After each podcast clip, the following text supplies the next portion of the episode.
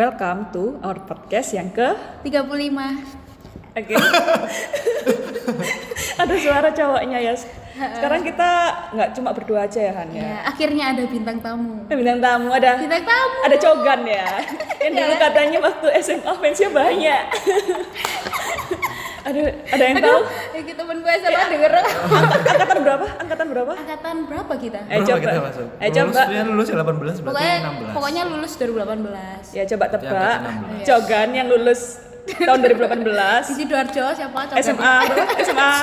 Oh iya, iya, iya. serem, serem. Ya udahlah, pokoknya di sidoarjo Iya, ya. jadi eh, di Ya, sini ada temanku Iya. temanku SMA sekelas namanya ya siapa namanya Rian. Bukan Rian Demasif atau Rian Jombang. Rian Surabaya. Iya, Ria Surabaya nggak sidoarjo Sidoarjo juga.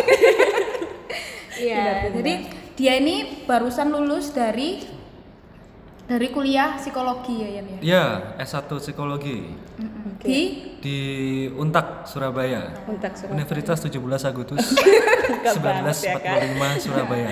jurusan psikologi. Psikologi S1 psikologi. Seperti judul yang sudah kita tulis di Spotify ini, kita bakalan ngobrol bareng Rian. Betul, betul, betul. Kita bakalan ya nggak cuma membahas soal jurusannya dia, tapi juga eh, apa sih yang ada di kehidupan Rian sehari-hari kali ya. Ya nanti random juga, sih. uh, uh, random dan mungkin akan berkaitan sama psikologi. Iya ya. Dan mungkin ada fansnya Rian yang dengerin nggak sih? Ya Allah. Pengen tahu update-nya. Ya Allah. Update-nya nanti ini gimana sekarang Rian? Apa kabar Rian? Baik-baik. Bahasa basi ya. Mungkin ini ya, mungkin nanti obrolannya itu lebih ke Mana? eh, kehidupan sehari-hari kehidupan sehari-hari dalam sudut pandang psikologi gitu. Oke, boleh. Kayaknya lebih boleh. seru ya daripada ngobrolin psikologi doang Boleh, kayaknya. Iya, iya, Kayak boleh, kuliah boleh. nanti kayak Boleh, saya oh, iya, presentasi. Nggak salah kita. nggak salah, undang ya. ya nggak salah nggak salah betul betul harus asik nih ya Asik. Enjoy. Oke, terus nah eh, sekarang Rian sibuk apa? Ini sudah lulus kan ya? Ya, sudah lulus. Sudah wisuda belum? Sudah wisuda. oh. Sekarang eh, lagi sibuk ngapain? Sibuknya untuk sekarang saya lagi ada di eh, salah satu unit kerja di universitas di biro namanya unit pelayanan psikologi eh konsultasi dan psikologi untuk Surabaya. Jadi saya di situ sebagai asisten, staf asisten psikolognya. Eh, ya, jadi saya udah di situ dari sekitar mungkin hampir dua tahun ya. oh dua tahun berarti udah Hampir dua dari tahun. kuliah Dari kuliah, dari kuliah. dari di situ. Oh, I see, I see.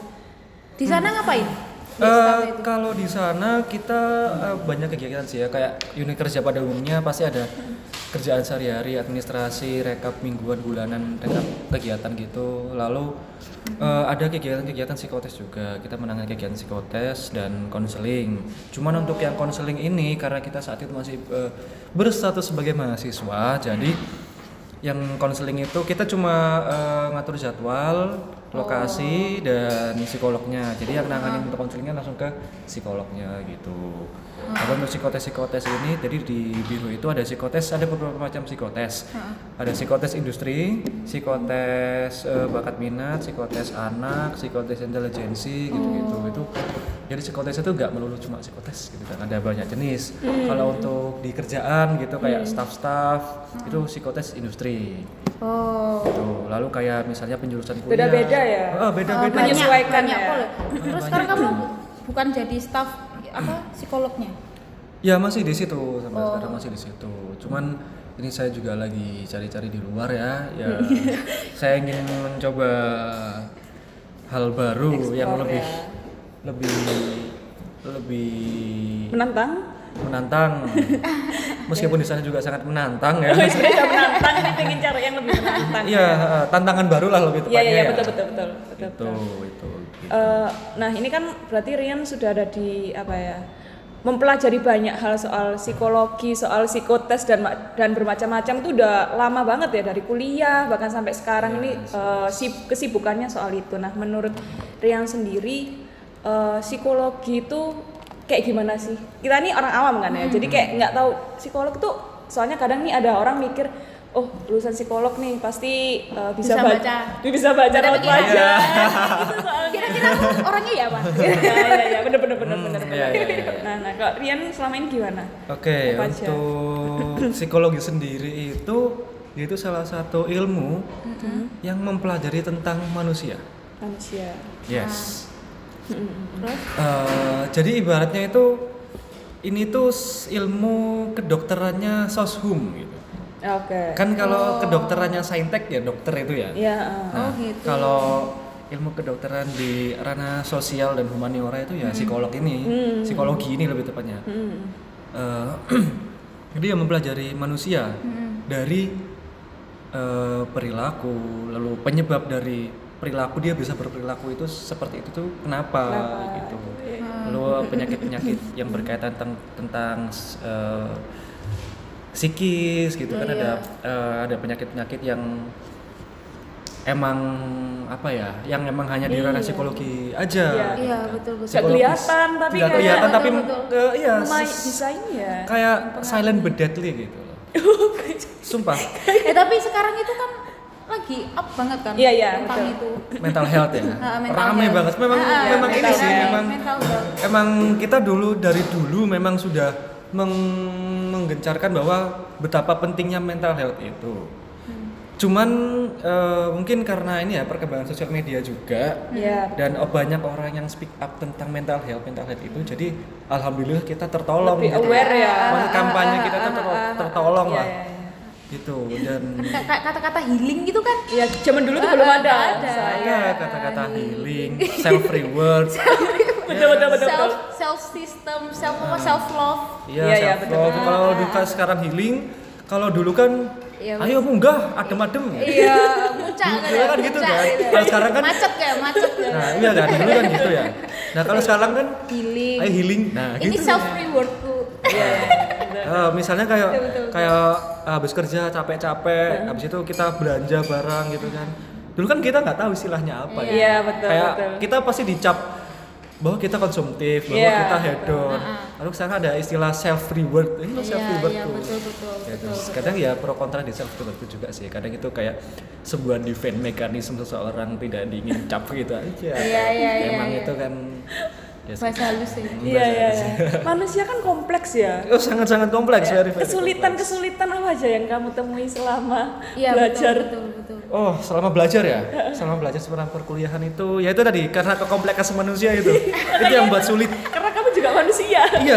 Dari manusia gitu loh. Dia harus kompleks ya loh. Mem- memahami orang lain Iya. ya. betul betul betul betul betul Eh, bahkan selama ini bahkan saya lebih memahami orang lain daripada diri saya sendiri.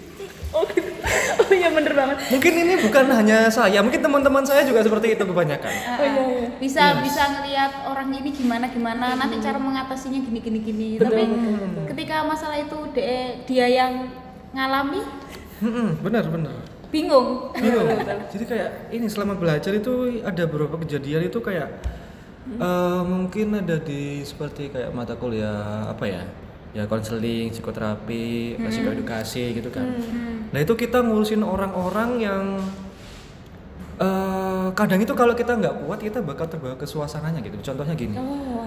Karena kita juga ada itu kan pantangan pantangan seorang psikolog juga. Jadi kita tidak boleh merasuk dalam eh, emosionalnya seseorang Iya, itu. iya, Jadi betul, betul. ketika orang itu emang kelihatan kasihan banget, kita nggak bisa eh, merasa kasihan juga. Jadi kita malah pakai perasaan kita untuk menolong dia, bukan memakai ilmu kita. gitu. Iya, iya. Itu. Subjektif apa ya? Ya, itu subjektif. Jadi membandingkan malah Mm, mm, mm. adu nasib gitu. Sama ini. Susahnya di situ ya. Ya, iya beratnya di situ, Bang. jadi kayak udah nak benteng nih Yes, benteng itu tadi. yaitu benteng nih ini apa ya, oh nggak boleh ikut ikut Hmm, nurani nggak boleh ikut ikut nggak bisa. Kalau emang dia seorang yang seperti itu ya nyatakan bahwa dia seperti itu gitu. Jadi saya psikolog itu gitu. Sama ini dulu saya ini aku dulu ini apa di aku kan dulu ikut semacam KKN gitu ya.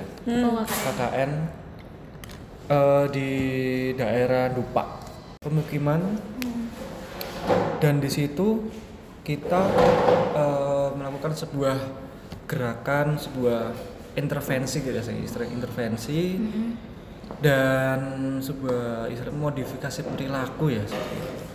modifikasi perilaku tapi karena dan di sini saya oh ini parah sih di sini kayak Asik nih ya kalau sudah soal Iya, iya, pengalaman iya. itu kayak asik sebenarnya sebenarnya asik tapi sebenarnya eh, apa ya ini tuh seru untuk dikenang gitu tapi tidak untuk diulang oh gitu. Yes. Oh gitu. Gimana gimana? Untuk dikenang, tidak seru untuk diulang. Diulang. gimana gimana kok Tidak bisa kayak gitu ya? Ah, gimana? karena tugas kita di sana adalah mengintervensi, memodifikasi perilaku, membuat suatu budaya baru. Tapi karena di sana terlalu kuat, terlalu kental, akhirnya kita yang termodifikasi sendiri. Oh serius? yes. Jadi kita yang termodifikasi. Kayak kayak nggak kuat gitu. Hmm. Jadi kita kayak waktu itu Emang apa di ya? sana apa? Ngapain? Kena pengaruhnya Nah, eh, jadi kita harus mempengaruhi orang sana kan. Tapi karena Tujuan mereka awalnya. terlalu kuat, eh, kita yang terpengaruh malah. Kamu mungkin kalah jumlah. Bukan eh, kalau jumlah itu bukan ini ya, lebih ke Hmm, mungkin saat itu juga pem- pembekalan kita itu juga merasa oh ya waktu itu kita juga merasa kurang sih pembekalannya. Oh. Habis itu em, dan emang di sana budaya kental banget dan kuat banget. Budaya apa sih? Dulu kan daerah sana itu bekas lokalisasi. Oh, I see. Oh, Bukan lokalisasi justru, justru malah tempat eh, pelacuran, tempat Oh, gitu. Dari namanya ini udah tadi kayaknya udah ke arah sana sih. pemukiman. Oh, kalau namanya itu itu karena dia itu tidak terlalu listrik dan ada di bawah. Oh, Tempat- gitu. oh, jadi dia selalu gelap gitu. Oh, Masih gitu. bersihan. mm, Makanya namanya itu. Selalu gelap. So, oh iya sampai di sana itu ada gereja. Oh, asik ya. Di sana itu ya. sangat-sangat apa ya? Aku di sana itu nggak bukan nggak jelas ya. Ya ada gereja. Hmm. Cuman orangnya di sana ya mungkin sebagian sebagian besar itu muslim. Cuman kadang mereka juga di gereja juga gitu. ya mereka juga bersih bersih juga. mereka yang Oh, gerejanya. Cuman sometimes mereka nggak menunjukkan bahwa mereka itu muslim yang gimana, bahwa mereka yang Kristen yang gimana gitu. Oh. Kayak apa ya? Mungkin toleransi. Iya, I don't iya, know, iya. I don't know. Karena itu eh, mereka di sana tempatnya juga nggak punya RT RW. Karena mereka ada di tanah tanah Yang bu- ilegal. Iya, Iya, tanah iya. yang bukan buat tinggal. Iya, betul betul betul. Gitu habis itu jadi kita melalui gitu ya benar-benar lewat tol jadi nggak bisa kita motoran gitu nggak bisa kayak gini gitu. Oh, Nggak sampai segitunya ya. bener-bener. Makanya Bener penga- itu. pengalaman yang Sangat-sangat. Itu dari kampus apa gimana lokasinya? iya. Ah, ah, ah, ah. Lokasi waktu- dari eh, kampus. kita waktu itu ada sama bermitra sama suatu ini sama suatu lembaga sosial gitu. Oh, Dan lembaga sosial itu punya program-program di beberapa tempat kan. Dan kita ditempatkan di situ. ya ya ya. Gitu. Akhirnya ya itu. Jadi di situ itu bu- karena di situ kan terkenal kan tempat-tempat seperti itu. Lalu eh, pemulung Hmm. pemulung sebagian besar mungkin pemulung di situ ya. Soalnya banyak-banyak tempat-tempat sampah-sampah. kotor banget. Sama eh, pencuri, maling, Hmm, perampok gitu-gitu. keras loh ya. Keras, Iya, iya. benar-benar keras di mana situ. Dan sangat sangat kita tuh sangat ketika di sana kita merasa itu bukan Surabaya kayak Oh, kayak daerah lain ya. ya kayak Afghanistan Serius ya sampai kayak gitu loh. kayak, kayak jalur Gaza Afghanistan gitu. gitu. Heeh, kayak wow segini Loh, ya anak-anak kecilnya banyak. banyak anak-anak kecilnya itu karena di sana juga rata-rata itu nikah muda seumur umur kalian ini anaknya udah empat udah tiga Wow, amazing. Empat wis tiga. karena 18 wis hamil gue. ya mungkin karena apa ya kegiatannya nggak ada dan mereka rata-rata nggak sekolah Nah itu jadi kita karena nggak sekolah lalu seperti itu akhirnya kita kan menyusun intervensi-intervensi itu kan menyusun suatu program yang menjurus ke sana cuman. Terus emang wah tidak semudah itu karena budaya emang sangat-sangat kental dan mereka juga ya mohon maaf ya mungkin karena tidak bersekolah jadi eh, untuk sulit ya ngajarin sulit juga. ha, ha, ha. Berarti udah gede juga. sulit dan udah me- karena itu kan bukan sebuah kebiasaan lagi udah menjadi budaya Iya. nah budaya itu kan dari kebiasaan-kebiasaan yang selalu dilakukan akhirnya menjadi budaya yang turun temurun gitu nah udah jadi budaya ini akarnya kan terlalu jauh Iya iya iya. itu yang bikin susah gitu Memang anak-anak kecilnya ngapain nih di sana? Ya untuk anak Kegiatan- kecilnya kegiatan. beberapa ada yang sekolah alhamdulillahnya. Oh. Cuman nggak semua. kita ya apa ya main-main bantuin orang tuanya jadi kayak ya gitu kayak bantuin orang tuanya mulung Hmm. kalau nggak ngapain lah nggak nggak nggak ya cuma kayak di sini ratanya rasanya itu kayak selalu sabtu minggu. Ya ya ya. Sabtu minggu Bisa pagi gitu. sih. Terus kamu dapat apa setelah pulang dari sana? stres. Iya kita semua di sana itu hampir semuanya terkena psikosomatis. Apa itu? Apa itu? artinya kak? iya iya. Sorry, sorry. psikosomatis itu gejala-gejala psikologis yang awal dari psikologis Heeh. yang mengakibatkan eh, pada eh, timbulnya gejala-gejala fisik gitu misalnya mutah Oh. misalnya kayak badannya panas pusing atau gimana itu karena psikis kita sendiri gitu jadi Oh, kayak karena kalau orang kayak terlalu stres sampai muntah kayak gitu-gitu kan ada tuh. ke bawah, Heeh, ya. langsung ada juga Tegang, terlalu tegang, terlalu eh, efek-efeknya kayak iya. pusing atau PTSD PTSD itu post traumatic disorder. Oh oke ya. Aku pernah dengar tapi lupa apa ya itu panjangannya. Itu kayak suatu kita itu kayak ada trauma dari sebuah kejadian atau apa. Dan ketika dan itu kayak menekan banget sampai mungkin saat itu kita sampai pingsan nah ketika oh serius? Hmm, di kejadian itu. Dan ketika suatu saat kita mengingat atau melalui dari pemicu trauma itu Iya, nanti kita kayak bau tiba-tiba- yang sama gitu ya. tiba-tiba kayak kita bisa pusing sendiri atau bahkan Trauma. mual karena Ya, itu trauma ya, tuh.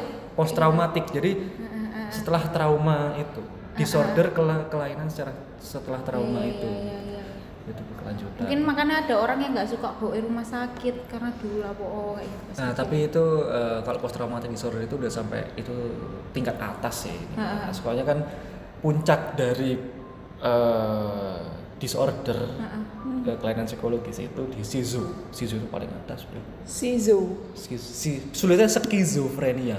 Tapi kayaknya kita ya. belajar. Schizophrenia Oke, itu catat penyakit eh, kalian tahu film Joker?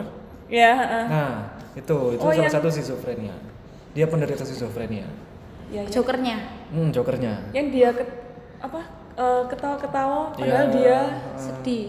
iya sedih Joker itu kayak ada halusinasi juga nggak sih? apa sih namanya yes, halusinasi delusi Iya, delusi. Jadi kayak dia itu cerita awalnya dia sampai terakhir ternyata cuma ini halusinasinya doang, Mbak. Hmm. Di film Joker tuh kayak aku lihat itu energiku habis sih tapi. ya Coba memahami Joker ini.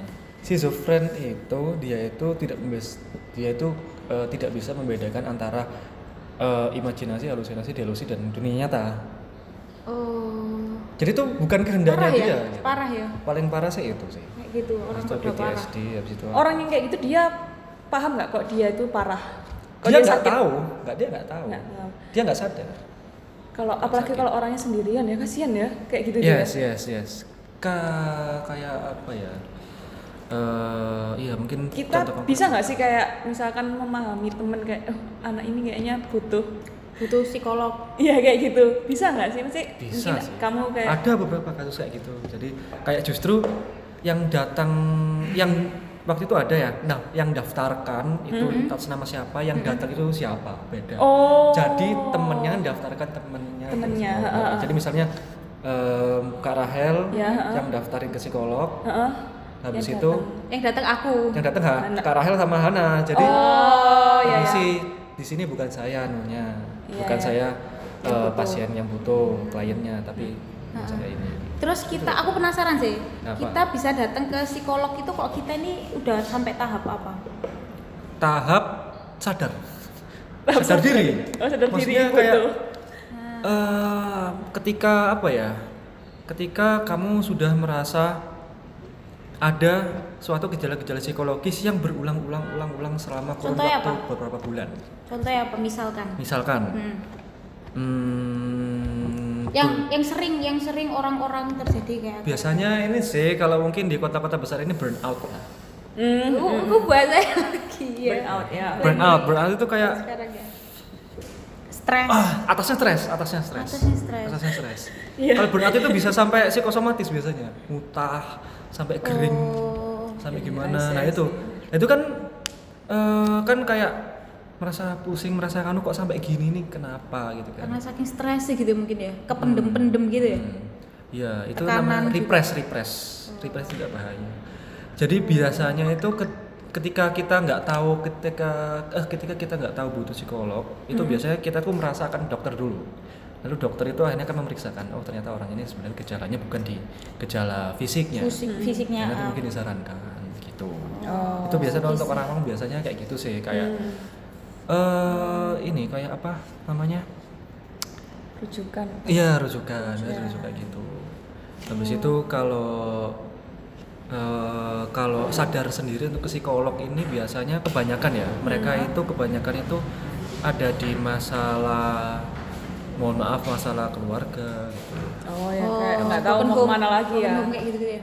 Mungkin lebih private gitu ya. Habis itu kayak masalah dirinya sendiri.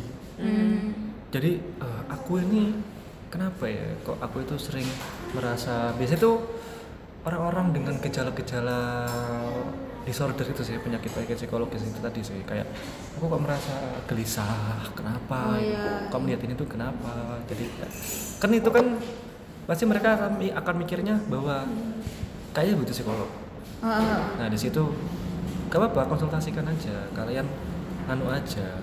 Eh, Jadi apa ya gak gak perlu takut rahasia karir akan terbongkar dan kita ke mana-mana kita juga Hmm. Di dunia psikologi ada ada kode etik kita Iya, bakal iya. nggak menanyai ketika kalian tidak mau ditanyai.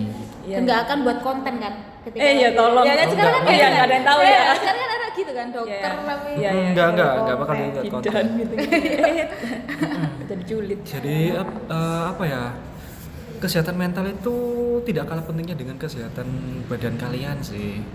Jadi eh, ketika kalian sudah sehat, sehat, sehat, olahraga, olahraga terus, tapi kalian kerja, kerja, kerja stres sama aja. iya iya betul betul. Jadi Orang untuk apa kalian lebih, olahraga? lebih sehat. Ya Nah, orang bahagia itu lebih sehat. lebih sehat. Meskipun nggak punya uang. Tapi bahagia. Kayak lagu ya kak ya? Hati senang. Walaupun nggak punya jadi ingat lagu yang kita putar tadi itu. Iya. Nah, kayak itu gitu. sih. Eh, apa ya? Mental health ini kan ya itu tadi diam diam mematikan silent but deadly itu. Jadi kayak diam diam diam diam tiba-tiba kalian stres. Diam diam diam diam kalian pendem pendem pendem tiba-tiba depresi. Ya ya. Berarti biar kayak gitu gimana? Psikolog. Psikolog. Kalau Kalau di sini tuh psikolog merasa. tuh ke mana sih? Nah bah- ini yang sebenarnya agak susah ya. Eh, eh, Kalau- aku mau ke psikolog gitu loh. Itu tuh ke mana? psikolog ke itu dokter ben dapat rujukan apa langsung ya betul. bisa seperti itu atau mungkin di Google Maps itu cari-cari kayak biro psikologi apa Oh, biro gitu. psikologi apa gitu oh gitu Heeh. dekat ya kan sekarang kan juga ada ini kan ada kayak aplikasi yang eh, kayak relief. Iya, Nah, Halodoc. kan, Halodoc. oh ya ya Eh, cuman aku juga belum tahu itu mereka itu sistematikanya gimana, apakah bisa ketemu atau enggak atau gimana. Soalnya kalau psikolog, menurutku Iya. itu lebih enak ketemu sih. Jadi Oh, iya. interaksinya Langsung itu ya. lebih Iya, iya, dapat. betul betul betul Interaksinya lebih enak gitu. Lebih hanya lewat chat gitu kan Hmm, kan bisa macam-macam ya kalau lewat chat ya asumsinya macam-macam asumsi betul, asumsi betul. tadi karena nggak ada nada bicaranya kan. nah betul iya betul betul betul Kalau- dan lihat orangnya langsung kan Ya. kadang bisa kebaca ini orang bisa jadi Iya, stres kayak heeh. agak tegang atau ya apa iya betul betul betul Iya betul. kan iya betul, loh betul. Sama kan ketika lihat langsung kan psikolognya kan juga bisa lihat mikro ekspresinya nanti gimana orang ini. nah itu. Apakah orang ini berkata sesuai? Apakah ada yang dipendam? Apa gelisah? Oh, iya, iya, apa ya iya. apa sih? Heeh, gitu. kan dari nada bicara kalimat-kalimat yang Iya. dipilih untuk ngomong. Iya iya betul betul. Itu diperhatikan itu semua kan ya? diperhatikan bagaimana tatapan mata ini apa Iya, iya, otot-otot wajah gitu kan. Iya, iya. kelihatan orang ini tuh gimana sebenarnya? Masalahnya gimana Iya, iya. aku pernah nyoba sih dulu waktu magang di Sumbawa. Oh iya iya. Itu aku nggak tahu istilahnya pokoknya stres atau burnout nggak tahu. Karena tapi itu sampai aku ini sih sampai apa sakit perut sih kayak mah-mah. Oh iya Sampai iya mah. iya, iya, oh ya ini tadi kan barusan diomong Iya. psikosomatis ya Iya, itu iya. sampai itu. Nah tapi di Sumbawa itu daerah desa ya. Jadi kayak mau ke mau ke mana lagi? Akhirnya nyoba halodoc itu. Itu bayarnya pada saat itu murah banget 35.000 ribu. Tapi itu ya via chat sih via chat doang. 35. nyoba itu. Untuk pertama kali oke. Untuk kedua kalinya beda dokter. Ini aku nyoba beda dokter. Eh, agak kurang. Aku nggak tahu kenapa. Mungkin karena yang tadi kamu bilang yang Rian bilang karena nggak ketemu secara langsung itu tadi ya jadi kayak yang kayak feelingku ini kayak kurang didapat sama ini sih Orang ini kayak kurang mengerti apa Iya itu. betul betul tapi memang ya nggak tahu sih uh, worth it ya seharga dengan itu kamu mau minta Aku apa aku mikirnya gitu sih chat aja berapa menit? 45 menit Chat. Heeh. terus nah tapi nah aku tuh pengen nyoba offline gitu loh tapi ya mungkin tadi aku mau nyari nah biayanya ini yang aku nggak paham Waduh, kan orang biaya. orang kan kadang biaya. takut nggak sih kayak kamu tuh Iya, orang iya, iya. cuma curhat Oh. doang Oh, tapi oh, keluarnya apa ya, banyak apa. banget iya nggak Iya, sih iya, Berarti iya, kita iya. tadi nyariin deh biro itu tadi ya. Ya, Klik biro, deh. biro. Terus range-nya Untuk range ini ini sih tergantung tempatnya juga ya. Iya iya iya mesti saya kayak gitu ya. Hmm. Nah kalau kalau dan itu sesi-sesian biasanya. Eh, kalau di tempatku itu Iya. per sesinya itu eh, 150 ribu. 150 ribu itu satu sesinya itu satu jam. oh Cuman Heeh. biasanya emang ini tergantung psikolognya juga. Oh. Kalau kalau tempatnya itu ada patokannya. Hmm? Cuman nanti itu lanjutnya ke psikolognya aja. Itu tergantung biro-biro lain juga sih. Tapi cuman eh, ini ya, range-nya itu kayaknya nggak jauh lah. Oh, iya, ada yang lebih murah, ada yang juga lebih mahal. Rata-rata. Rata-rata emang segini. sampai segitu lah. sejuta ya Oh nggak sampai, nggak sampai. Itu mungkin Tergantung kok ya. deh sat- satu jam tapi akhirnya 6 jam nggak ya selesai capek juga sih psikolognya. gimana ya aku mikir banget. Jadi psikolognya burnout. pindah stresnya itu sih kalau eh, psikolog itu rata-rata ya segitulah. Kurang lebihnya 100 100 sampai 100 sampai paling mahal-mahal paling 200 lah mungkin. itu per jam. Per jamnya. Cuman itu nanti juga dilihat lagi sama psikolognya. Heeh. Eh, ketika total waktunya tiga jam, tapi dia curhat nangis nangisnya dua jam gitu. Hmm. Nah biasanya sama psikolog itu nggak dihitung dari situ. Jadi ketika emang dia konsultasi dan lain-lain. Jadi ketika kita udah tiga jam, eh, ya udah dibikin tagihannya satu jam setengah aja gitu. tergantung psikolog berarti Mm-mm, ya mm, tergantung psikolog juga. Cuman tiap biro juga punya tarif. Jadi untuk biro itu punya tarif sendiri-sendiri per sesinya atau sistemnya gimana. Iya, iya, iya. Cuma nanti hasil akhirnya di eh, tagihkan ke psikolognya itu nanti urusan psikolognya berapa sesinya itu seberapa lama gitu. Jadi nanti juga ini kan juga ditentukan kan. Nanti eh, tolong jadwalkan lagi orang ini untuk sesi selanjutnya. lagi. untuk Eh, ya, yang lebih lanjutnya karena ini ya konseling itu ada beberapa tahapan. Oh apa aja itu Oh, Baru gitu. tahu nih Apa, ya, apa, apa, jadi nggak sekedar curhat ngomong-ngomong enggak enggak selesai. situ. Jadi nanti kalian itu juga dibongkar, guys. juga di diulik Ya diulik. diulik. Diulik. Jadi ada lima ya, kayaknya ada lima. Yang jangan kayaknya lo udah lulus ya anda Oh, ya iya, iya, iya. dosennya Masih siapa. Aduh. Dosenku jangan ya. Bu, gimana ini Hmm, konseling Gimana? itu jadi pertama itu eh, awal-awal ini ini ya apa? Eh, Pengenalan. bukan bukan, langsung itu pengalaman di luar konseling itu. Itu repo oh, namanya repo. Oh, oke oke. Jadi awal-awal tadi kita kenalan Intro anu, intro, Intro, ya, ya. repo itu namanya. Repo. Membangun membangun ikatan. oh, Oh, iya. oke ya betul Nah, betul jadi betul, ketika betul. ketika orang itu nggak nyaman dan nggak enak kan nggak Gak iso Nggak nyambung. ya. Dapat feel-nya. Jadi kita mau cerita ya ya apa nggak kenal. Hmm, jadi kita connecting dulu. Gitu. Repo setelah itu ada lima tahapan. Yang pertama itu eh ini membongkar breakdown lah, breakdown. Jadi orang ini tuh eh ada di mana sih arah masalahnya itu di mana. Jadi kadang orang itu merasa bahwa masalahku di sini gitu. Hmm. Tapi ke- ketika di breakdown breakdown sebelah sebenarnya itu ada faktor lain yang membuat masalah ini. Ternyata karena dia kayak gini jadi kayak gini. Mm-mm, jadi contoh ya, contohnya, Oh, iya, Betul-betul. aduh, eh, aku kok dijauhi teman-temanku ya, aku kok merasa gini ya, teman-temanku kayak Oh kok no mereka, gitu ya? mereka enggak, Ya elah. jadi mereka kok sibuk sendiri, kok selama ini gimana gimana gimana gitu ya. Nah setelah di breakdown, ada cerita cerita cerita si orang ini di breakdown sama psikolognya juga catatin kan.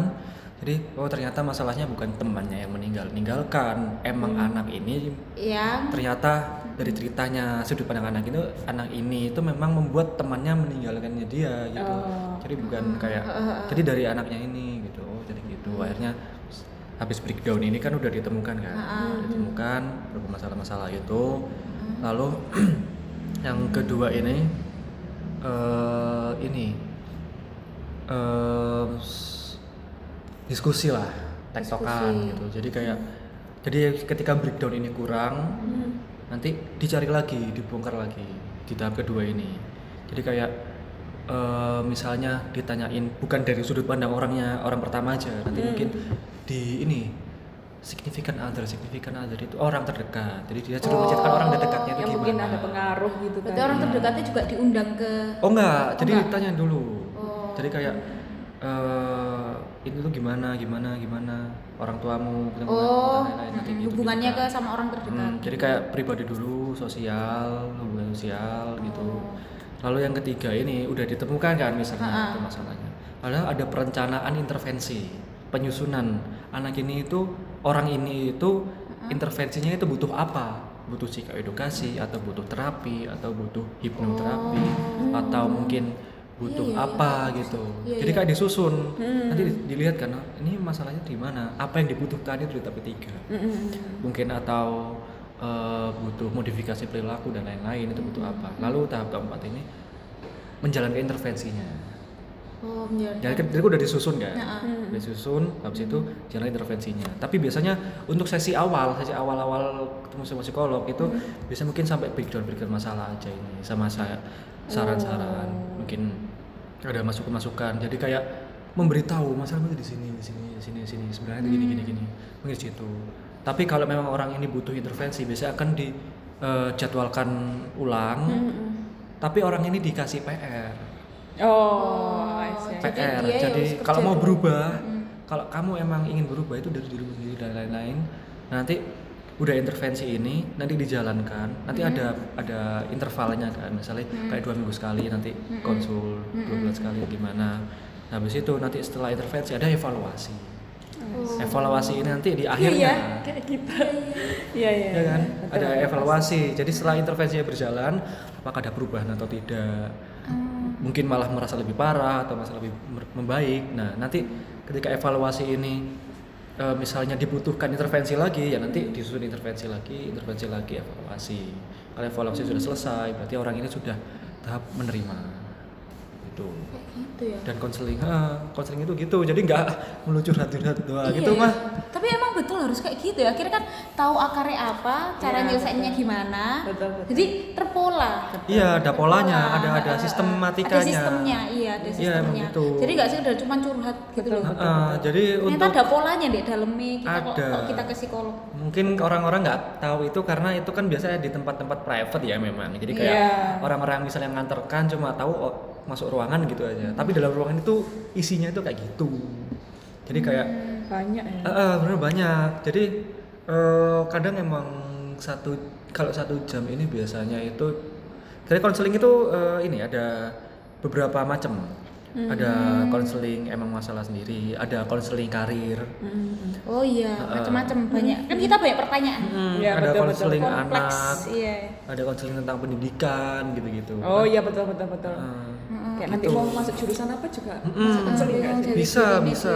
Bingung. Tapi biasanya itu di psikotes dulu sih. Oh iya iya. Jadi iya. kayak psikotes bakat minat penjurusan kuliah gitu, Iya, atau iya, penjurusan iya. SMA nanti penjurusan kuliah minatnya itu apa ternyata setelah dites Hmm. sebenarnya bakatnya anak ini itu eh, di sini gitu Hmm. malah nggak dipilih gitu Oh. karena kan ada orang itu bakatnya apa tapi minatnya di mana gitu kan Iya. Oh iya betul. Ya, Bakatnya apa? sama. Mi- tapi nggak minat sama bakatnya itu. Iya betul Hmm. betul. Minatnya yang lain tapi dia nggak bakat di sana. Betul. nah nah sometimes itu kayak gitu gitu loh Iya, cuman bingung. kan kita orang kan nggak nerima gitu aku pengennya ini gitu. Oh nggak mau bakat ini. Soalnya aku minatnya ini. iya nah kadang orang itu kan harus disadarkan ya Ayo. Tugas ini ya para Hmm. psikolog ini. Nah, jadi Iya. kayak mereka itu kadang itu, kadang kalau bakat minat itu sama orang tuanya juga sekalian. Hmm. Oh iya iya. Gitu. Jadi orang tua nanti orang tuanya itu ceritakan anaknya gimana gimana gimana gimana.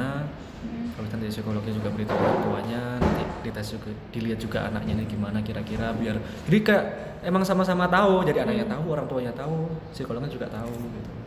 Iya. Jadi eh, psikolog itu sangat-sangat membantu kehidupan kalian kok guys. Iya iya, pramasi, pramasi. Iya. Iya iya iya. Iya, mental Penting, health penting. matter.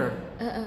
Eh, terus bedanya psikolog sama psikiater apa? Oh Ya, ini, ya. ini yang, ya ini biasanya sangat-sangat di Iya kan? masyarakat aku ini. soalnya ya, aku kurang paham. Ya, sih. di lingkungan masyarakat ini agak sa, agak nyaru ya, Ah, ah, ah. kayak apa sih sebenarnya bedanya? Iya, betul. Kalau psikolog itu eh, akarnya dari eh, psikologi. Kalau psikiater itu akarnya itu dari dokter.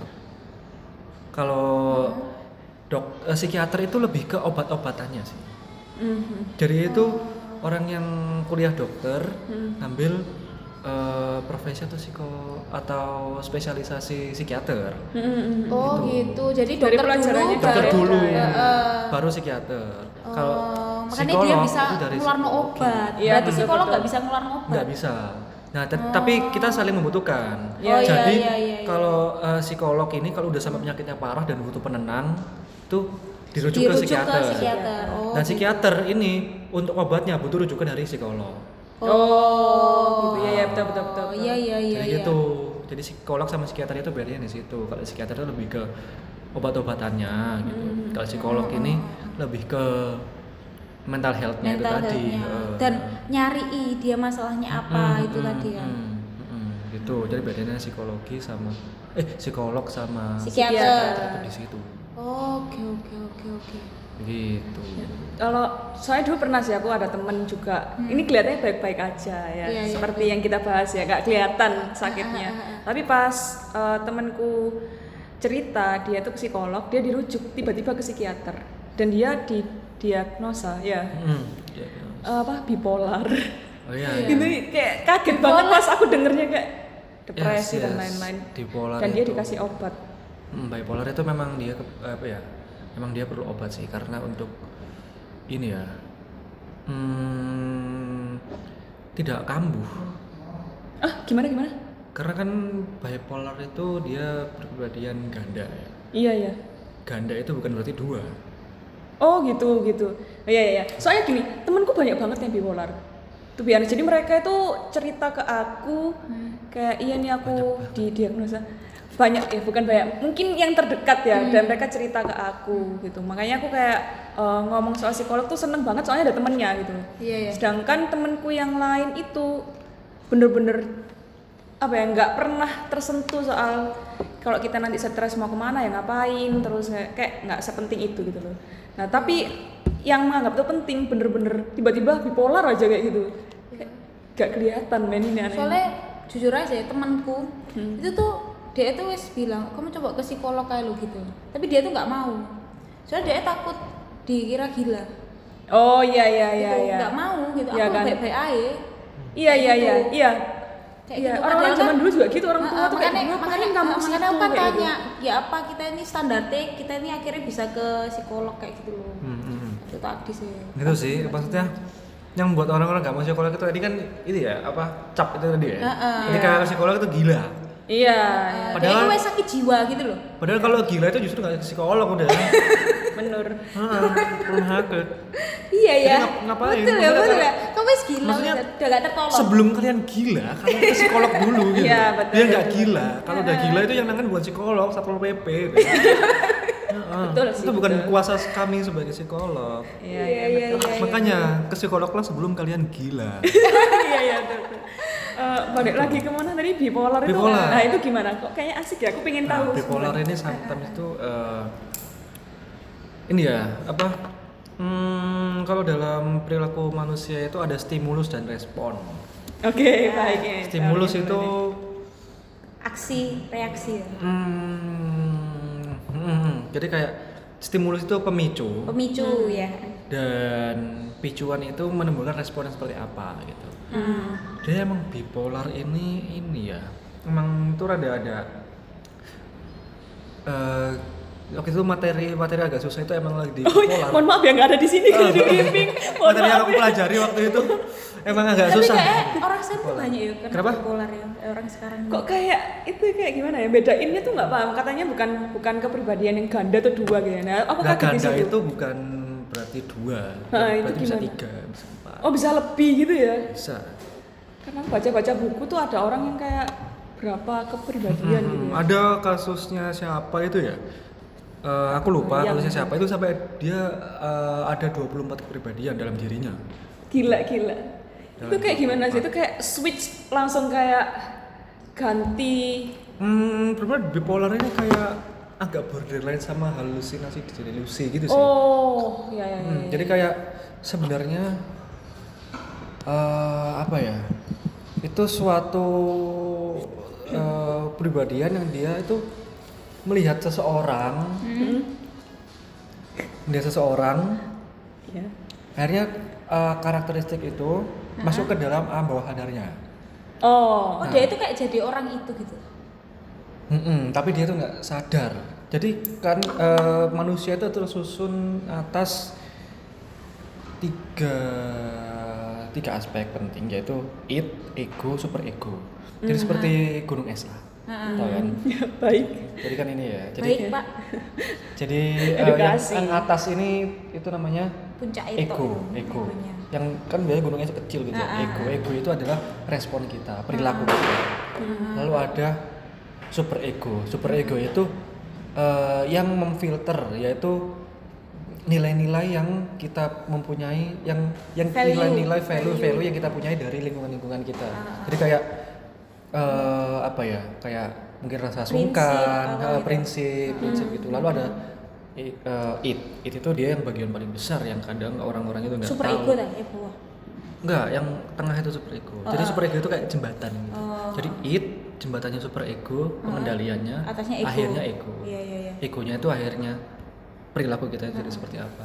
Nah, kadang jadi banyak yang tersimpan di it ini di alam bawah sadar itu. Karena ada sampai ada pernyataan kan, sebenarnya kita yang melakukan dan kita hidup ini sebenarnya kita secara nggak sadar hidup. Oh ya, mm-mm. Nah, ngomong kayak gini barusan direncanakan enggak, enggak. keluar sendiri kan? Iya, betul. Kayak gitu kan. Nah, kamu ngomong gini barusan langsung kan? Maksudnya nggak dikendalikan, kita nggak sadar. Nah, sampai ada seperti itu. Pernyataan bahwa kita selama ini hidup secara tidak sadar. Oh iya, iya. Jadi kita hidup sendiri aja, arwah kita yang hidup, roh kita yang hidup. Nah, terus sa- sama bipolar tadi, Hmm, nah, bipolar ini eh, jadi hmm, ya agak susah sebenarnya, agak panjang. agak panjang ya. Jadi intinya bah- bahwa intinya aja intinya aja. Iya. eh, super egonya ini Heeh. agak terganggu gitu. Oh, Jadi iya, prinsip-prinsip PDE goyang, makanya dia isok jadi ini jadi Acak ya? Heeh, acak. Acak Hmm, gitu. ngacak deh itu tergantung juga stimulusnya. Ketika suatu stimulus eh, menyenggol menyenggol Super ego. nggak menyenggol suatu eh, apa ya suatu kejadian atau momen Heeh. yang saat itu juga ada suatu karakter yang dia ada dalam dirinya akhirnya dia jadi seperti itu itu kayak Oh. itu tergantung mood juga sih kayak misalnya mungkin ketika dia kepanasan suhu itu juga bisa mempengaruhi mood psikis dan lain-lain suhu suasana lingkungan atau Hmm. Ya itu tidak tidak mampu mengendalikan itu kan jadi dia akan jadi seperti apa jadi siapa jadi nganu Eh, terus aku punya pertanyaan. Gimana kita biar mental kita sehat itu gimana? Biar gak bipolar. mungkin lebih ke sehat aja ya kita kalau tanya ke psikolog langsung gini. Gimana biar Eh, kita untuk menyehatkan mental. health-nya kita itu mental kita health gitu loh. mental kita itu sehat Iya, gitu. sehat mental. Iya, iya, saya secara mental. Iya. salah satunya mungkin cara dengan meditasi itu bisa menenangkan jadi eh, itu tadi bisa untuk menenangkan jiwa ya kan psikologi itu ada kata psike psike dan logos psike itu jiwa Oh, oke. logos itu ilmu ilmu jiwa Oh. Meditasi salah satunya. Yoga tuh bisa nggak sih? Kalau aku lihat orang-orang tuh kayak Sholat itu kan juga meditasi kan? sih? bisa ibadah Satu. ya. Ah, ibadah ibadah Ibadah, Ibadah, juga gitu. salah satu. Berarti Ibadah bisa. banyak-banyaklah ibadah ya. banyak banyak Tobat. ibadah Tobat kau. tapi jangan ibadah mulu ya kita kan hidup cuma ja- eh, tidak hanya di akhirat saja di dunia kita Oh, juga iya, menyusun hidup.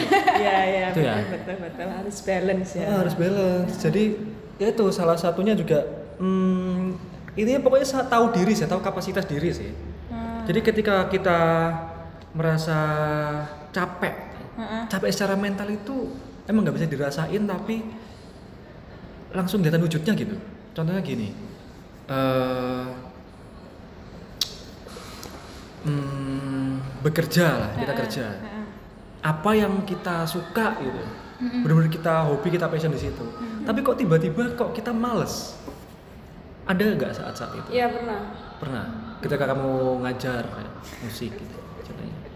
Ketika kita males Tiba-tiba kayak gak mood nggak mood gitu kan berangkat nah padahal padahal kan kayak Kesukaanmu suka biasanya. kenapa katanya passion ya apa pun yang aku This is my lakukan, passion, gitu. it's Ah. music ya. Nah, itu Berarti ada something wrong ya? ada something wrong ada something wrong di situ Itu wis gejala awal gejala awal health eh mentalku nggak health.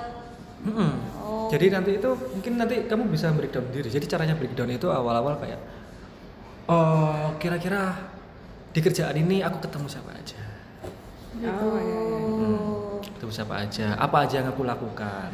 Hmm.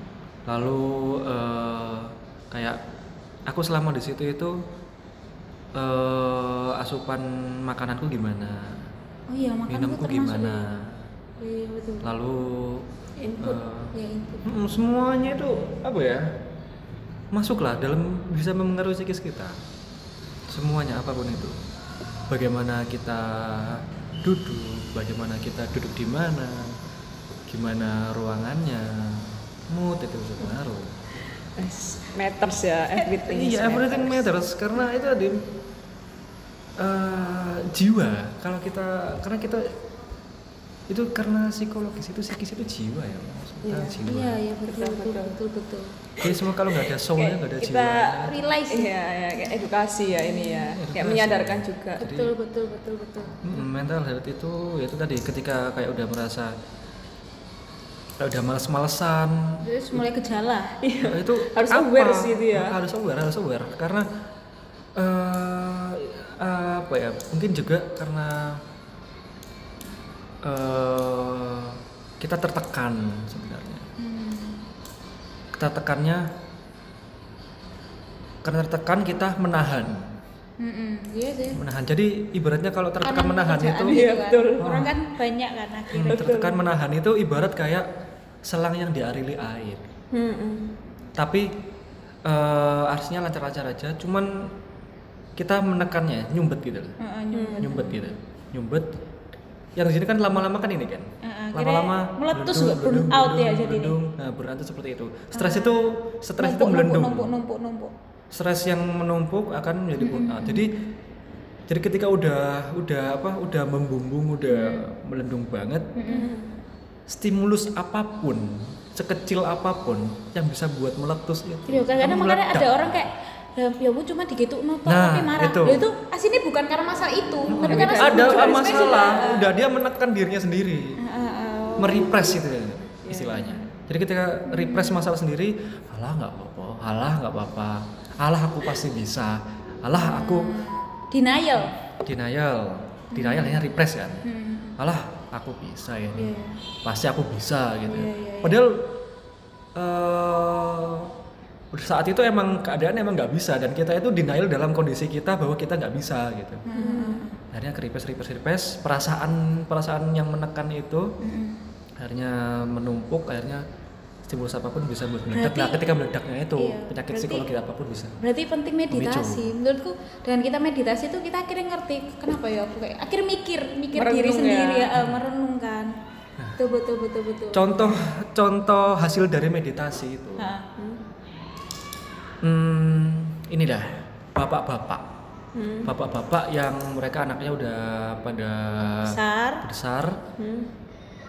mereka kayak apa ya kayak melakukan kegiatan sehari-hari gitu kan tenang-tenang aja kan enak-enak aja enjoy Hmm. karena apa tiap pagi bangun dia diem pandangin burung nyemprot-nyemprot ngerokok Heeh. ya dia kan di situ kayak alah ngelamun aja loh udah udah Iya, iya. menenangkan diri ngopi sebentar ya ya betul betul pokoknya sempatkan lah dari 24 jam itu sehari Hmm. sempatkan satu jam dua jam aja lah untuk recharge Untuk self talk. self talk recharge Iya, ya, betul betul. ngecas lah HP kamu cas terus tapi dirimu itu nggak mau cas itu Kok itu nggak- kamu kok kasihan sama HP-mu HP, daripada iya. kesehatanmu sendiri Betul betul Betul betul. betul betul betul. nah recharge ini juga berkaitan sama orang introvert extrovert Oh, Oke, ya, ya. Oh, sekarang mulai bahas iya, introvert iya. extrovert. ya itu mana-mana ya Mana-mana ya, ada apa ada apa. introvert extrovert ini mereka itu kadang itu ini ya kita itu melihat orang introvert itu pasti dia menyendiri Hmm. extrovert pasti dia orang yang serami-rami Party girl. Hmm, gitu. Tapi eh, pernah nggak kalian kayak hmm, orang yang eh, in- introvert tapi rame gitu? dan orang ekstrovert tapi dia orangnya justru diem pernah nggak nemu kayak gitu Pernah Belum sih. Pernah. Pernah. Katanya dia introvert tapi kok Iya. rame Iya. nah Hmm. jadi introvert ekstrovert ini membedakannya tuh bukan di orangnya yang gimana Hmm. tapi Oh, cara recharge-nya Cara energinya recharge-nya. yang gimana Iya iya iya betul gitu betul betul. jadi orang introvert ini mereka itu recharge energinya itu dengan waktu sendiri Yes, iya. menyendiri Paham. tapi kalau sama orang itu dia bisa energinya bisa nganu bisa Iya, iya. seperti Kayak orang mau- extrovert Mau Dayu udah kan introvert tapi dia ketemu orang oke, bahkan Oke. ngomong di depan orang banyak Iya. oke. Oke. Nah, cuman itu eh ya udah mereka dia orang karakternya emang seperti itu. Hmm. Cuman ketika dia capek, energinya habis, nah dia recharge-nya dengan sendiri, menyendiri, punya waktu sendiri. Heeh. nah, kalau orang extrovert ketika dia energinya habis, kayak udah capek gitu kan. Dia tuh ke tempat-tempat rame meskipun Ah, dia diem aja. Clubbing ya. Iya, iya. Meskipun dia, gitu. meskipun Iya. dia orangnya diem aja tapi di tempat rame dia tuh seneng Iya. gitu kayak misalnya dia datang ke konser atau Hmm. ke klub atau ke bar gitu ya udah dia diem minum aja sendirian tapi karena orangnya rame dia enak gitu Oh, enjoy iya. Itu ekstrovert ya. Kalau ambivert ya, Bang. kalau ambivert ini ya itu antara keduanya dia di sepi bisa anu bisa rame bisa gitu jadi lebih ke recharge-nya bukan Bukan eh, ke dia orang pendiam apa eh, enggak. Iya, iya betul betul. Soalnya kan orang-orang sering kali gitu kan.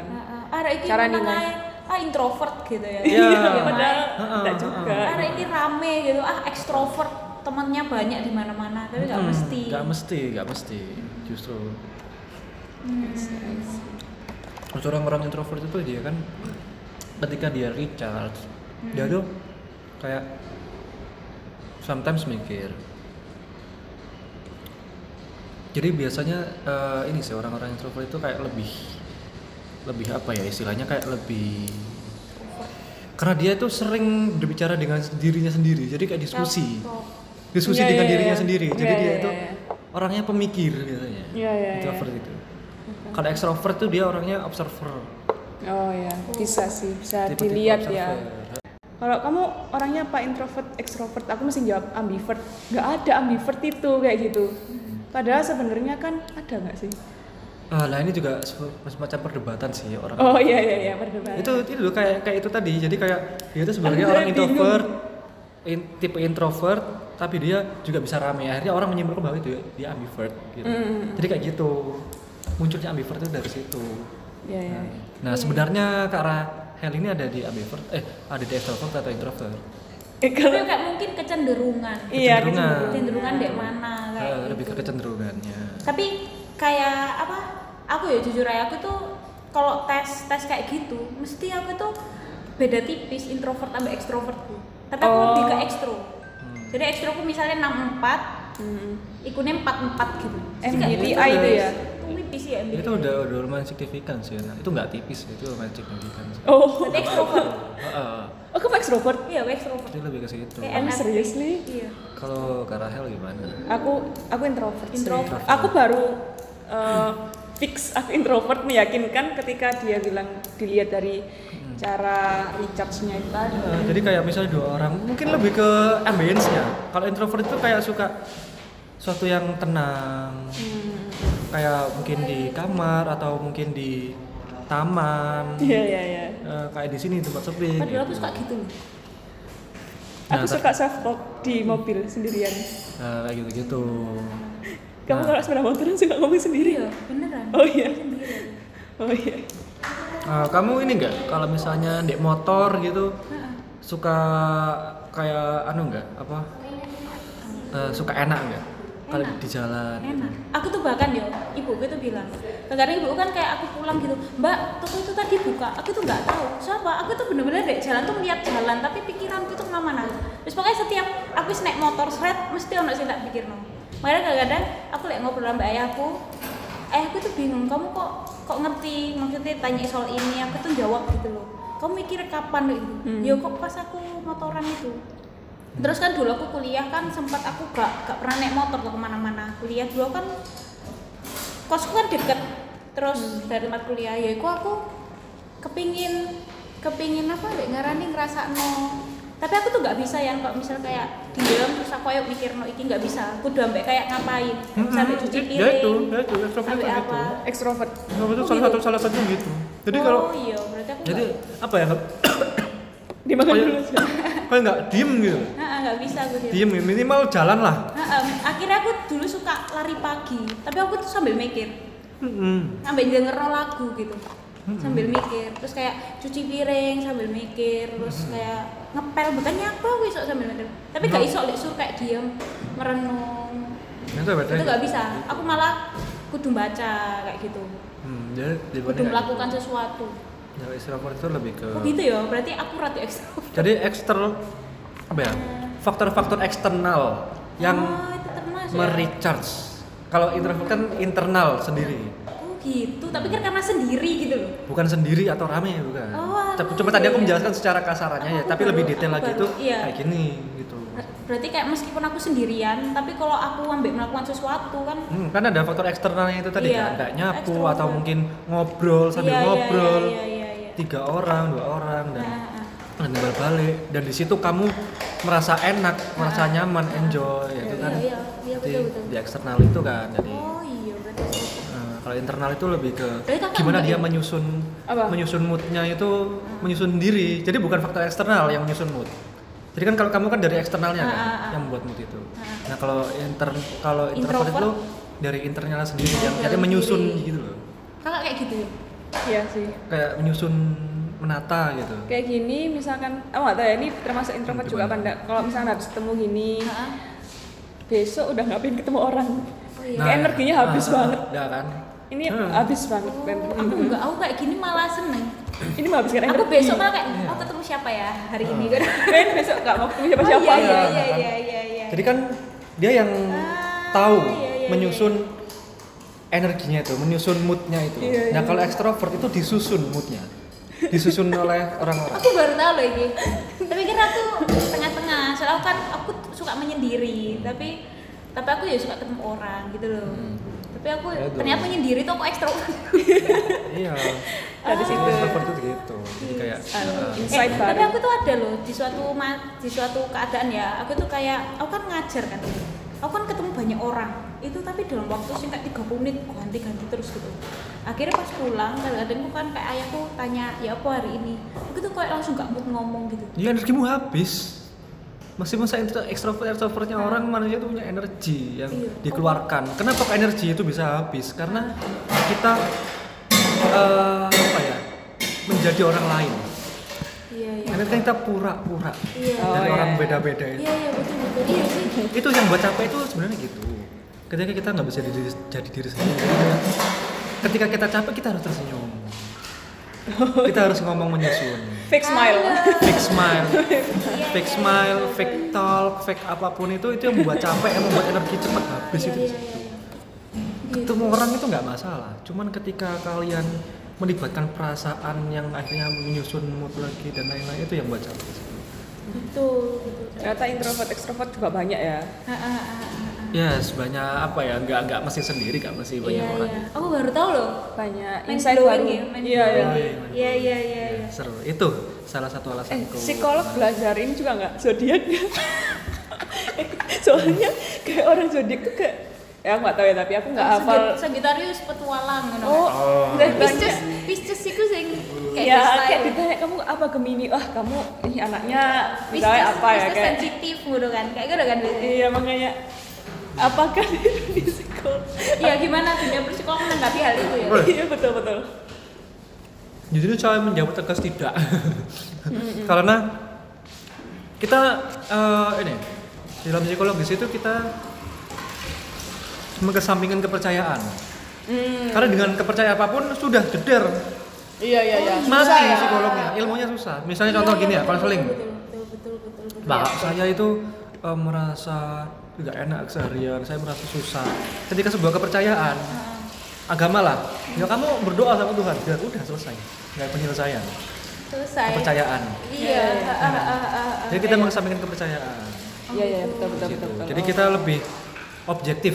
Oh iya lebih objektif. Kita Iya ilmu betul betul objektif. betul betul. ya yuk Kita yang masih zodiak. mengandalkan zodiak zodiak tolong segera dan bertobat. FYI orang yang orang yang sangat-sangat eh punya sebuah zodiak ketika di panutannya di zodiak itu ini sih dia itu menandakan bahwa dia memiliki kognitif yang cenderung rendah Oh, aku pernah baca di Vokatif itu postingannya. iya kognitif Punya dan itu ya emang gitu karena dia Iya, emang emang gitu ya. karena kan itu bukan fakta yang empiris gitu kan nggak ada penelitiannya Iya, iya Tapi enggak. dia kayak begitu. Tidak Percaya banget, ya. iya. Iya, nggak ada datanya dan nggak ada buktinya gitu. Itu menurut keper karena itu mengendalikan kepercayaan dan kesimpulan diri sendiri tanpa nggak datanya, ha, tanpa studi.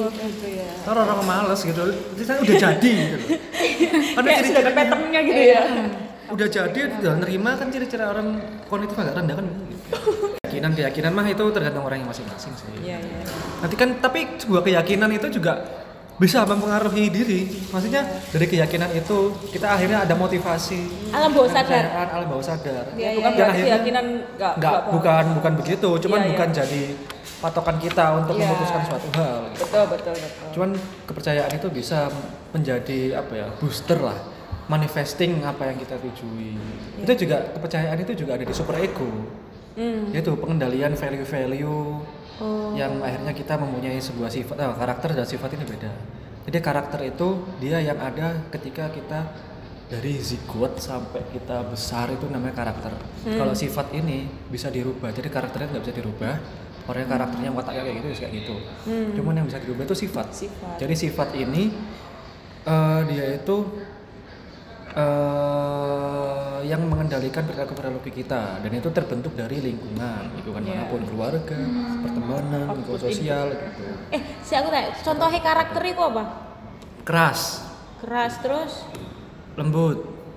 Orangnya sih, lembut. maksudnya kayak Orangnya kayak gitu. ya eh, kayak orangnya tuh wataknya emang oh. ya wes kekeh gitu. keras Lembut gitu. kayak aku lah. Amin. Jadi kayak gitu. Amin, berarti enggak dong. Kan dari situ katanya dia. Kalau karakternya tuh gitu, pokoknya sesuatu hal yang nggak bisa dirubah ketika Terus apa lagi? Keras, lembut, terus eh apa lagi ya? Eh, misalnya Keras ini kayak keras kepala. Eh, apa keras? orangnya keras gitu ya tuh. keras itu gimana ya? Kayak ya sekeras kepala aja juga Kaku. bisa. So kan- kaku, kaku. Oh kaku. Aku soalnya ini ya, ini. karakter sama sifat kok hampir sama. Terus kok Iya, sifat? memang- memang hampir Gitu. sama. Kalau sifat apa contohnya Kalau misalnya? sifat itu misalnya kayak apa ya? Biasanya kayak tentang tentang kesopanan-kesopanan gitu. Oh. Masih eh, di lingkungan. Karena terbentuk kan dari lingkungan gitu Iya, kan. iya, iya. Sopan santun, habis itu kayak unggah-ungguh kayak gitu. Iya, iya, iya, iya. Kayak gimana dia berperilaku di masyarakat. Itu sifat. Jadi sifatnya itu dia itu emang seorang yang Nah, kadang emang karakter sama sifat ini kadang beda tipis. Iya. Cuman yang bisa diubah itu sifat. Jadi misalnya kayak dia itu yang biasanya orangnya berantakan dan lain-lain. Jadi Ketika rapi. dia ditaruh di lingkungan orang-orang yang rapi, rapi, rapi, dia tuh bisa jadi orang yang rapi. Ikutan ya, Hmm. ikutan lingkungan. Cuman kalau dia misalnya orang sosok yang kaku gitu, ya orangnya memang kaku. Cuman biasanya kan ada kan orang kayak eh, baik, suka menolong tapi gengsi. Hmm. ya kan? Kayak orang itu aslinya bucin tapi gengsi. Nah emang orangnya gengsian. Cuman dia tuh orangnya emang suka menolong dan lain-lain. Cuman kayak Karakternya. nggak mau. Karakternya emang orangnya gitu. Jadi kayak karakter itu bisa dilihat gitu loh kayak kayak gimana dia berdiri gimana dia jalan gimana dia ngomong gitu itu karakter itu bisa dilihat orangnya kayak gini kalau sifat itu ketika dia berinteraksi Kamu bisa ngeliat kayak gitu ke orang ya? Maksudnya secara tipis, tapi kamu bisa ngeliat kayak gitu ke dirimu sendiri? enggak Susahnya gitu ya. susahnya gitu susahnya gitu Kamu berarti harus dilihat orang lain. Hmm, hmm, hmm, hmm. Dia dari orang lain. Oh iya, apa? Aku ada pertanyaan. Gak tahu ya terakhir apa yang keberapa nih? Dari tadi terakhir mulu. Eh, siapa ya? Swanta. Eh, kan psikolog kan juga, eh, memperhatikan orang lain ya. Ini relate sama pernyataan yang sebelumnya sih. Nah, ketika mereka mereka kan juga pasti ada stres kan? Kan sama-sama manusia ya. Kamu juga pasti pernah stres kan? Nah, yang dilakukan oleh para psikolog ini ke temennya psikolog juga apa apa mereka gimana ya? Apa ada orang yang ternyata lebih ahli dari psikolog? Jadi yang Ya, Ya. betul. ya gak sih? Orang ke psikolog dan psikolognya ke mana kayak gitu. Hmm. Rata-rata sih, kalau psikolog-psikologku ya, yang di biru itu, ketika mereka udah di batasnya, mereka udah nggak terima. Mereka tahu kapasitasnya sendiri. Oh, iya iya iya iya. Jadi mereka udah nanganin orang. Jadi mereka akan menangani orang ketika ketika mereka sudah menangani diri sendiri.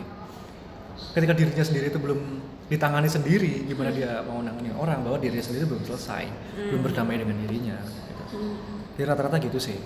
Jadi bu- nggak nggak nggak nggak psikolog lain. Ya mungkin kalau ada mungkin mungkin pendapat, Oh. mungkin ada Hmm, pendapat iya ini tuh gimana ya? Lebih ke psikolog lain. Tapi kalau dirinya sendiri udah cukup ada di ambang stres dan tidak bisa bekerja menghambat, biasa mereka ya mengobati ya perawat perawat perawat jalan lah. Jadi diri sendiri, merawat diri sendiri. Diri sendiri. Jadi emang punya gitu. Jadi mereka rawat diri sendiri. Gitu sih. Sebelum ke akhir mungkin Hana ada pertanyaan lagi. Enggak sih. Ya berarti kan intinya kita tadi banyak-banyak meditasi ya kan. Terus begitu awal kalau awal kita sudah merasa ini ada yang salah langsung segera di apa? dipecahin. Dipecahin kenapa gitu. Kan daripada numpuk. Ya kan. Ya betul betul. Terus sama aku ini banget sih main blow sama yang itu deh extrovert introvert gitu. Iya, akhirnya kita Iya. diluruskan ya dengan Iya. statement. Ilmu aslinya, bukan berdasarkan pendapatnya orang-orang. Terus ternyata kita kok konsul ke psikolog itu ada polanya kayak itu tadi. Iya, Aku juga betul. tahu. Nggak cuma masuk curhat keluar. Ya, jadi psikolog itu jadi eh, untuk poinnya di psikolog ini jadi tidak hanya bercerita saja, kalian juga akan dibantu, ditolong. Iya, iya, iya. Bukan Jadi- ada evaluasi nih gitu. Ada evaluasinya bahwa mereka akan melepas kalian ketika kalian sudah siap dilepas. Ketika kalian masih butuh penanganan ya kalian bakal ditangani sampai selesai. Mm. Gitu. Pokoknya intinya ini ya.